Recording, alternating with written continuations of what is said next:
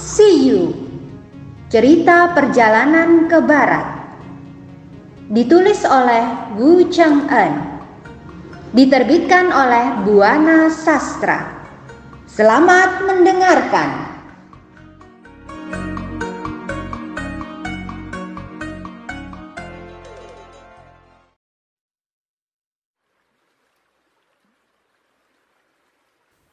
Bab 78 Tan Zhenzheng ditawan dan dikurung di lemari besi.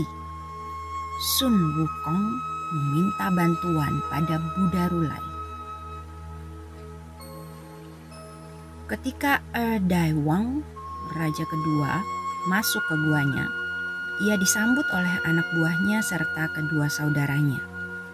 Padahal sebelumnya mereka mendapat kabar bahwa raja kedua tertawan musuh.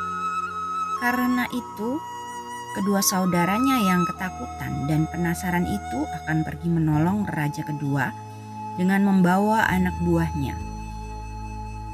Tapi belum mereka berangkat, raja kedua sudah kembali ke guanya. Bagaimana kau bisa tertawan oleh mereka? Kenapa pula kau bisa kembali dengan bebas? Tanya mereka serempak. Tan Zhenzang dan murid-muridnya memang amat baik. Itu sebabnya aku diizinkan kembali. Jawab raja kedua. Kakak, bagaimana sekarang? Apakah kita akan mengantarkan mereka? Tanya raja kedua sesudah dia berdiam sejenak. Tentu saja adikku, kata sang kakak. Sun Wukong memang sangat baik ketika ia berhasil masuk ke perutku. Jika dia hendak mencelakakan aku, dia bisa melakukannya dengan mudah. Dan ketika dia menarik hidungmu, jika dia mau, juga bisa mencelakakanmu. Jadi untuk membalas kebaikannya, kita harus mengantarkan mereka. Ya, kalau kalian bersedia mengantarkan mereka, antarkanlah kata raja ketiga dengan suara keras.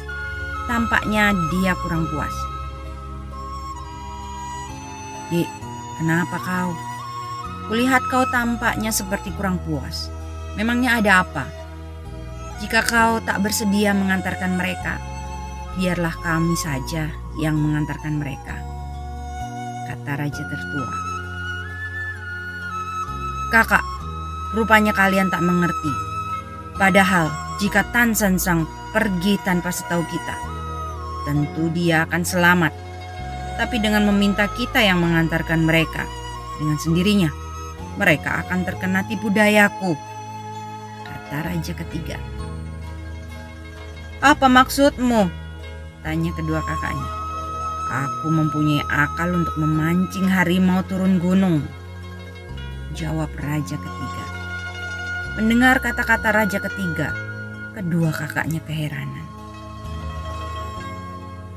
Bagaimana akalmu itu, Dek? Tanya raja tertua. Aku akan menangkap Tan Sansang dengan akalku. Setelah anak buah kita dikumpulkan, lalu kita pilih sebanyak 10.000 orang. Kemudian dari 10.000 orang, kita pilih lagi 1.000 orang. Dan dari 1.000 orang itu, kita pilih 100 orang. Terakhir, dari yang 100 orang kita pilih 16 orang untuk satu kelompok, sedang untuk sekelompok lagi kita pilih 30 orang. Memangnya untuk apa kau memilih lagi? Tanya kedua kakaknya. Yang 30 orang dijadikan tukang masak, setiap 15 km kita dirikan gubuk. Mereka kita beri makan. Lalu yang 16 orang bagaimana?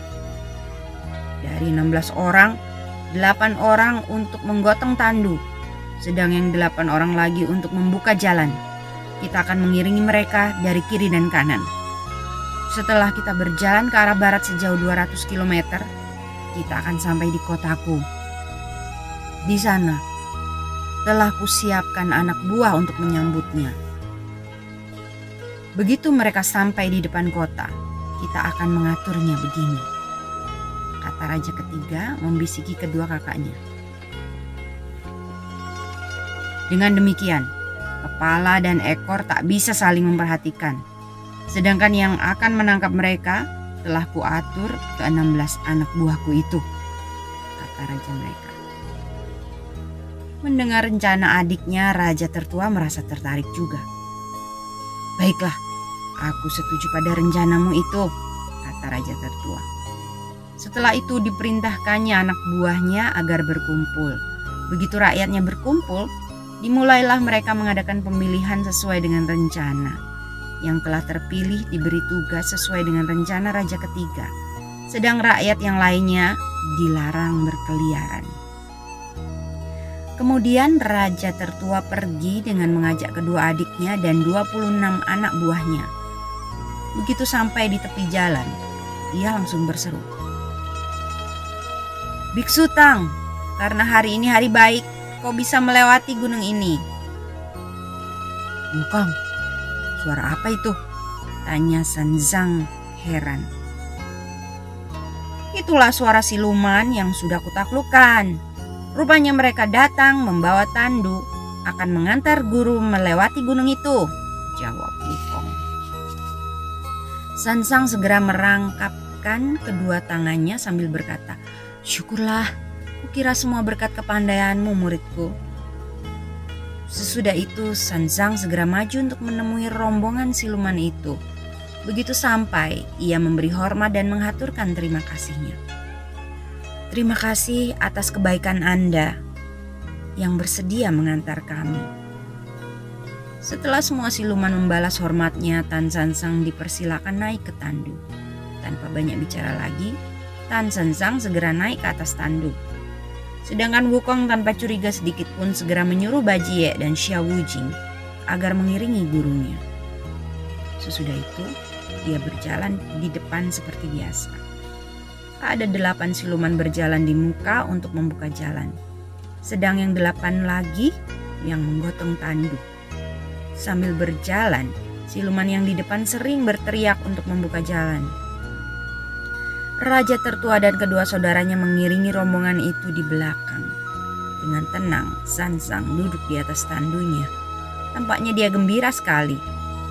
Tak lama kemudian, jalan itu semakin naik.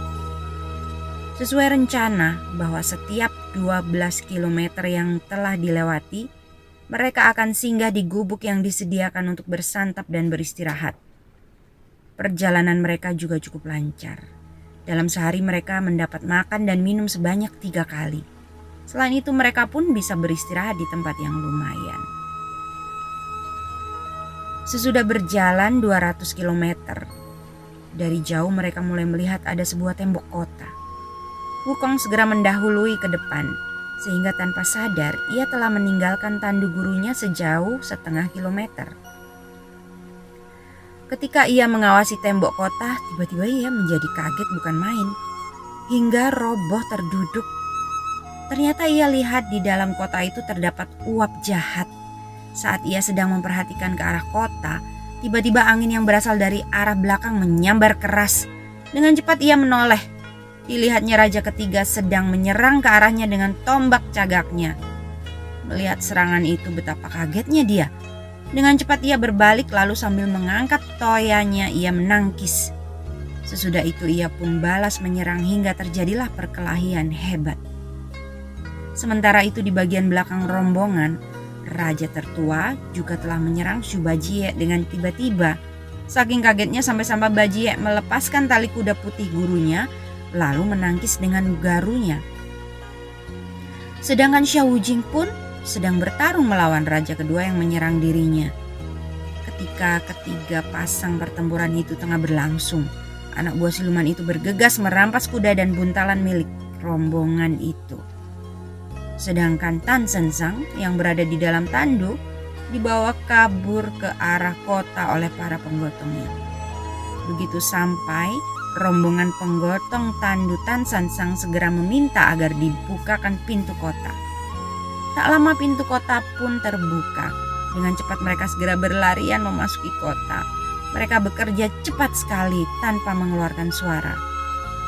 Walau ke-16 anak buah siluman itu berpesan agar Tan San Sang jangan diganggu, tapi Tan San Sang tetap kaget bukan kepalang. Dalam keadaan takut, Tan Sensang dibawa ke dalam istana dan dipersilakan duduk. Sesudah itu, ia disuguhi teh dan makanan. Tapi walau Tan Sensang diperlakukan dengan baik, ia tetap kelihatan bingung bukan main. Sementara itu, di luar kota pertempuran itu masih berlangsung. Sekarang pertempuran itu berada di sebelah timur kota. Tak terasa hari pun mulai senja dan cuaca makin lama makin terasa gelap. Bajielah yang paling merasakan hal ini karena kedua telinga lebarnya yang seperti menutupi kedua matanya merasakannya. Belum lagi angin yang bertiup dengan dahsyat. Tak lama ketika ia merasa lelah, dengan terpaksa ia meninggalkan medan pertempuran. Tapi belum ia beranjak, raja tertua telah menyerang ke arahnya. Namun Bajie berhasil menghindar walaupun beberapa lembar bulunya terpapas. Saking kagetnya, ia bermaksud kabur lebih cepat, tapi raja tertua berhasil menyusulnya.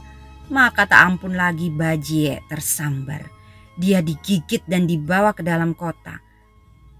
Sampai di kota, Bajie langsung dilemparkan ke anak buah siluman Kemudian tubuhnya digotong ke istana. Sedangkan raja tertua segera kembali ke tempat perkelahian untuk membantu saudara-saudaranya. Di lain pihak, Xiao Jing pun mulai tak tahan bertempur. Akhirnya dengan terpaksa ia pun mencoba lari, tapi dapat dikejar oleh raja kedua. Tanpa ampun ia terkena liliran hidung raja kedua dan akhirnya ia pun tertangkap seperti halnya juga Subajie, Xiao Jing pun diikat dan dibawa ke dalam kota. Kemudian ia diserahkan kepada anak buah siluman.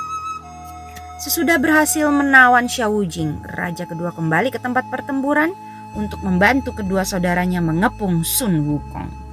Dengan demikian, sekarang Sun Wukong harus melayani tiga musuh tangguh.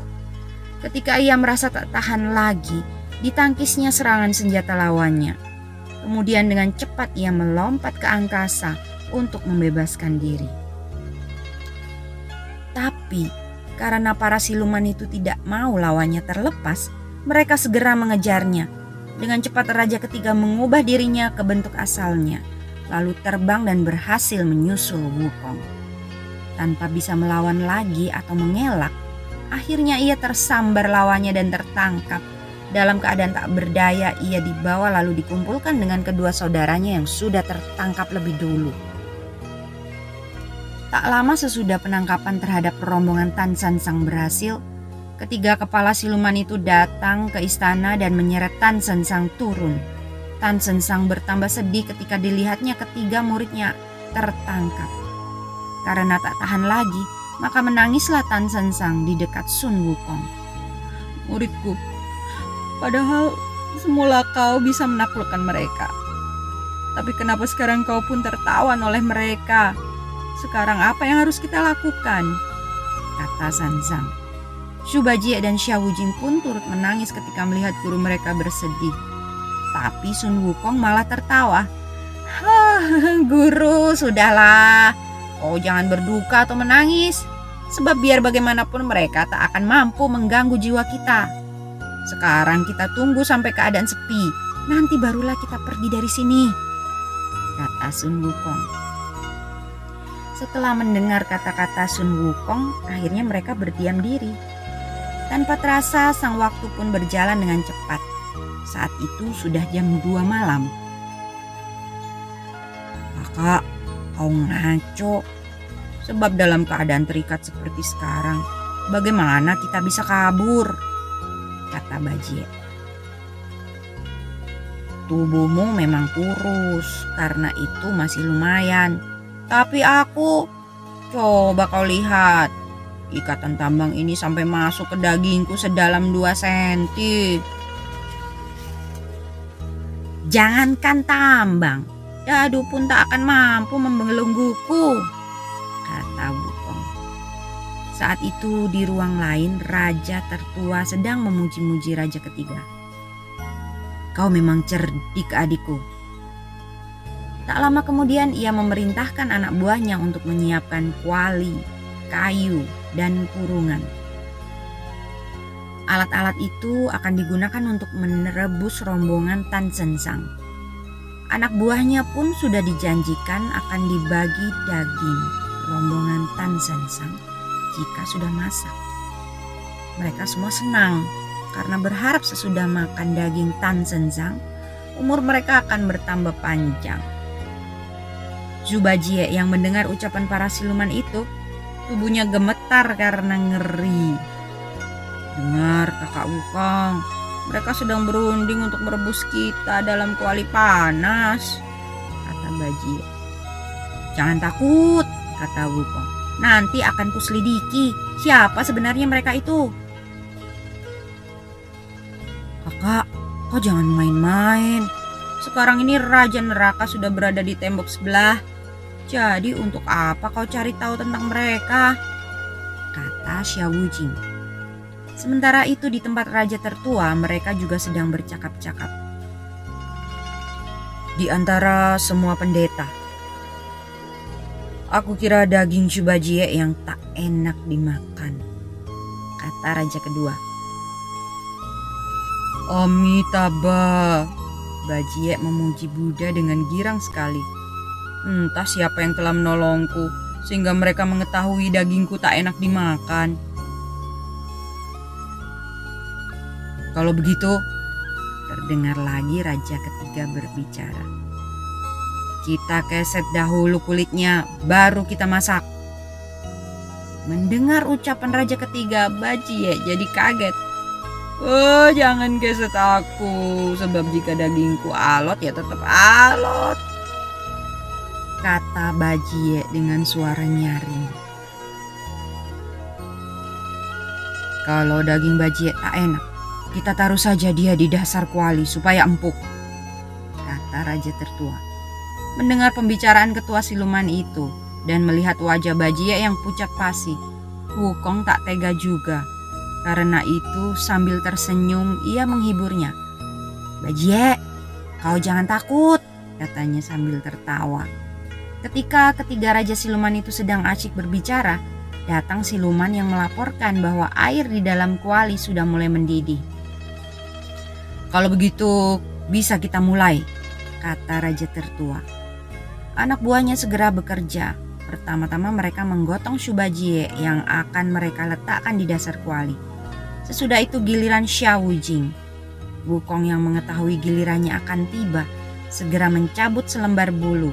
Sesudah itu ia menciptakan bulu itu menjadi dirinya, sedang dia sendiri lalu melompat ke angkasa. Anak buah siluman yang tidak mengetahui hal itu segera menggotong tubuh Wukong palsu untuk diletakkan di susunan ketiga dari bawah. Mereka meletakkan Tan San Sang di bagian paling atas. Api yang dinyalakan semakin besar. Sementara itu Sun Wukong yang melihatnya dari atas langit jadi tegang sendiri. Dia tahu Bajie dan Xia Wujing akan bisa bertahan agak lama. Tapi Tan San Sang tak akan tahan. Jadi jika ia tak segera menolongnya, sudah pasti gurunya akan binasa. Maka dengan cepat Bukong memanggil Bei Hai Leong Ong, yakni Raja Naga dari Laut Utara. Setelah berada di hadapan Wukong, ia memberi hormat. Lekas bangun, kata Wukong. Ada urusan apa, Tuan? Tanya Raja Naga Laut Utara. Jika aku tak punya urusan penting, aku tidak akan memanggilmu. Aku minta kau menolong guruku, sebab para siluman itu telah menangkap guru dan kedua saudaraku. Sekarang para siluman itu akan merebus mereka. Aku berharap kau menjaga mereka agar tidak mati direbus, kata Wukong. Baiklah, aku sudah siap, kata Raja Naga yang bernama Aushun. Sesudah itu ia segera bangun lalu mengubah dirinya menjadi angin. Dengan sekali tiup, angin ini sudah sampai ke dasar kuali ia segera melindungi Tan Zhenzang dan kedua muridnya. Dengan adanya Aushun, hawa panas di dalam kuali itu menguap ke atas hingga di dalam kuali menjadi dingin sekali. Para siluman yang sedang memasak Tan Zhenzang mulai kelelahan karena yang dimasak belum juga matang. Oh, aku lelah sekali dan mengantuk. Karena tadi kita telah berjuang keras untuk menawan mereka. Apalagi kita juga telah berjalan jauh mengantar mereka sekarang kalau mereka sedang direbus, aku yakin mereka tak akan bisa lolos lagi. Kalian saja yang terjaga, tapi hati-hati dan jaga secara bergantian.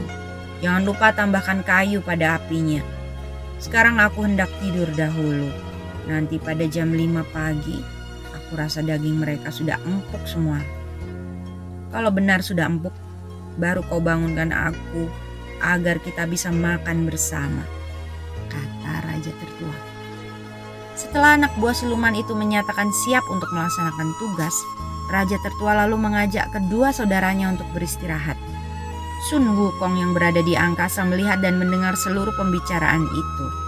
Namun, suara guru maupun kedua saudaranya belum terdengar oleh Wukong. Hah, apakah mereka tertidur? Atau barangkali mereka malah sudah mati di kuali panas itu? Wah, hawa panasnya begitu hebat, pikir Wukong. Karena penasaran, Wukong lalu berpikir, lebih baik aku turun untuk memeriksa keadaan guru dan kedua saudaraku itu. Sun Wukong mengubah dirinya menjadi seekor lalat hitam, kemudian terbang ke arah kuali mendidih itu. Di dalamnya dia melihat ada kurungan besi tempat guru dan kedua saudara angkatnya dikurung. Kurungan besi ini berfungsi sebagai kelakat untuk memasak. Sedang di dapur itu, api yang menyala berkobar membakar kuali berisi air panas. Sial, sungguh sial sekali.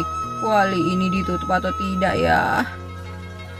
Bisik Bajie. Tidak muridku, jawab Sansang yang berada di atas muridnya. Bagus, kalau begitu hawa panasnya naik ke atas. Kalau begitu kita tidak akan binasa, kata Bajie. Mendengar pembicaraan Bajie dan gurunya, Wukong lega hati. Tapi tak lama Wukong mengambil tutup kuali lalu ditutupnya kuali itu. Melihat hal itu, Sansang kaget. Muridku, ternyata kualinya ditutup, kata Sanzang. Mendengar hal itu Bajie kaget bukan main. Celaka, jerit Bajie. Ini berarti hawanya tertutup. Kurasa tak sampai nanti malam pasti kita binasa. Xiao Jing yang merasa kaget lalu menangis sedih. Jangan menangis, kukira tukang masaknya sudah berganti, kata Bajie menghibur, walau sebenarnya dia pun merasa khawatir. Bagaimana kau bisa tahu tukang masaknya telah berganti? Tanya Xiao Wujing. Ketika aku dimasukkan ke kuali, aku merasa senang karena beranggapan penyakit encokku tentu akan sembuh. Bukannya udara panas sama cocok bagi penyakitku. Tapi kenapa sekarang hawanya berubah jadi dingin? Hai tukang masak, tolong tambah kayunya dan besarkan apinya, kata Bajie. Mendengar kata-kata Zubajie yang dianggapnya lucu, Sun Wukong tersenyum. Dasar si tolol yang tak tahu bahaya, yang dipikirkan hanya keuntungan buat diri sendiri saja, pikir Wukong. Sesudah itu, Wukong mengawasi ke sekitar dapur sambil berpikir. Mereka harus segera kutolong. Tapi apa yang harus kulakukan? Di sini ada 10 tukang masak. Jadi, jika aku bunuh mereka, teriakannya tentu akan membangunkan siluman lain. Haruskah aku mengubah diriku ke wujud asliku? Pikir Wukong. Tapi karena si kerasakti memang banyak akalnya, tiba-tiba ia teringat pada kutu ngantuk pemberian Hua Guo Tianwang, Raja Langit Lokapala di Men, pintu langit utara. Dengan cepat ia rogoh sakunya. Ternyata dalam sakunya masih ada 12 ekor lagi. Biar ku gunakan 10 ekor saja, pikir Wukong. Disebarnya ke 10 kutu itu yang segera terbang ke arah 10 tukang masak. Tak lama kemudian terlihatlah 10 tukang masak itu sudah mulai menguap. Bahkan 9 tukang masak sudah langsung tertidur. Namun satu orang masih bertahan dia tak segera tidur. Sambil menggosok-gosok hidungnya, dia merasakan ada benda aneh di dalam hidungnya. Mungkinkah dia mengetahui rahasiaku? Pikir Bukong. Karena khawatir tak berhasil, Bukong mengeluarkan kutu ngantuk seekor lagi.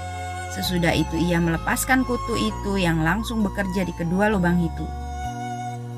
Akhirnya ia tak tahan lagi dan mulai menguap. Tak lama ia pun tertidur nyenyak sekali. Sesudah semuanya tertidur, dengan cepat Wukong mengubah dirinya dan langsung memanggil guru. Siapa itu? Tanya Sensang. Aku Wukong, jawab muridnya. Oh, kau muridku, lekas kau tolong kami, kata Sansang. Kakak, rupanya kau ada di luar. Tidak adikku, aku ada di dalam kuali bersamamu, kata Wukong menggoda. Kakak, kami di dalam kuali sangat menderita, apalagi udaranya pun pengap, kata Bajie. Hei tolol, diam. Kedatanganku justru untuk menolong kalian, Jawab Wukong. Kalau benar kau mau menolong kami, jangan setengah hati dan main-main. Ayo sekarang lekas tolong kami, kata Bajie. Tapi Wukong tak menghiraukan teguran Bajie. Dengan cepat ia angkat tutup kuali itu, lalu ia tolong gurunya. Sesudah itu ia angkat tubuh palsunya dan disimpannya. Barulah ia menolong Bajie dan Xiaowujing. Subajie yang telah terbuka ikatannya ingin cepat-cepat kabur dari situ. Sabar dik, jangan tergesa-gesa. Apalagi perjalanan kita masih panjang. Untuk bisa sampai ke barat masih banyak rintangan yang harus kita hadapi. Sekarang karena guru tak kuat berjalan jauh, aku akan mengambil kuda dan buntalan kita, kata Wukong. Mendengar kata-kata Wukong, Bajie tak jadi kabur. Sesudah berpesan pada Bajie dan Wujing, Wukong pergi ke dalam gua. Setiba di sana, Wukong menyaksikan para siluman itu sedang tidur semua. Ia segera menghampiri kuda gurunya lalu menuntunnya keluar. Sesudah itu ia membantu gurunya naik ke kuda. Tan Senzang yang ketakutan berusaha melarikan kudanya, tapi Wukong mencegahnya. Sabar guru, di depan masih ada beberapa negeri lagi yang harus kita lalui. Jadi kurasa kita masih membutuhkan surat jalan. Aku harap kalian tunggu sebentar. Aku akan mengambil buntalan kita. Jawab Wukong. Oh benar muridku. Aku juga masih ingat ketika aku dibawa kemari. Kurasa buntalan kita ada di sebelah kanan pendopo. Kata Sanzang. Ya, aku tahu, kata Wukong. Sesudah itu pergilah Wukong mengambil buntalan. Tak lama ia pun sudah mendapatkan buntalan itu. Dari tempat ia menemukan buntalan, tampak cahaya terang. Ternyata itu cahaya dari jubah biksu Tan Sensang. Ia segera mengambil buntalan dan pikulannya. Tak lama, ia sudah kembali ke tempat gurunya.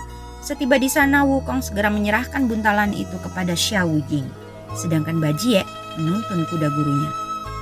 Mari, kata Wukong yang berjalan di muka sebagai pembuka jalan. Mereka pun telah keluar dari istana raja ketiga lalu bergerak menuju pintu Men, pintu Zhengyang. Di tempat itu mereka mendengar ada suara genta, tapi pintu kota masih tertutup rapat. Untuk kita tak jadi soal karena kita bisa melompati tembok itu lalu pergi. Tapi bagaimana dengan guru? kata Wukong. Tenang kakak, aku harap kau jangan pusing.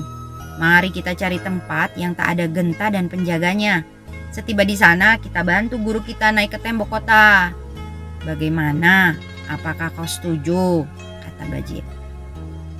Jangan, nanti akibatnya malah jelek sekali, kata Wukong. Kalau kita naik tembok, aku khawatir kau salah bicara ketika kita kembali sesudah berhasil mengambil kitab. Apalagi kalau secara tak sengaja kau membuka rahasia kita. Lalu apa kata orang? Wah, Biksu Tang dan muridnya tukang panjat tembok, kata Wukong. Tapi untuk saat ini kau jangan berpikir yang bukan-bukan. Sekarang yang penting kita harus kabur dari sini, kata Bajie. Karena tak ada pilihan lain, akhirnya Wukong pun setuju pada usul Bajie. Kemudian ia mengajak gurunya menuju tembok kota yang keadaannya sepi. Setiba di tempat itu, mereka segera bekerja untuk membantu gurunya memanjat tembok kota.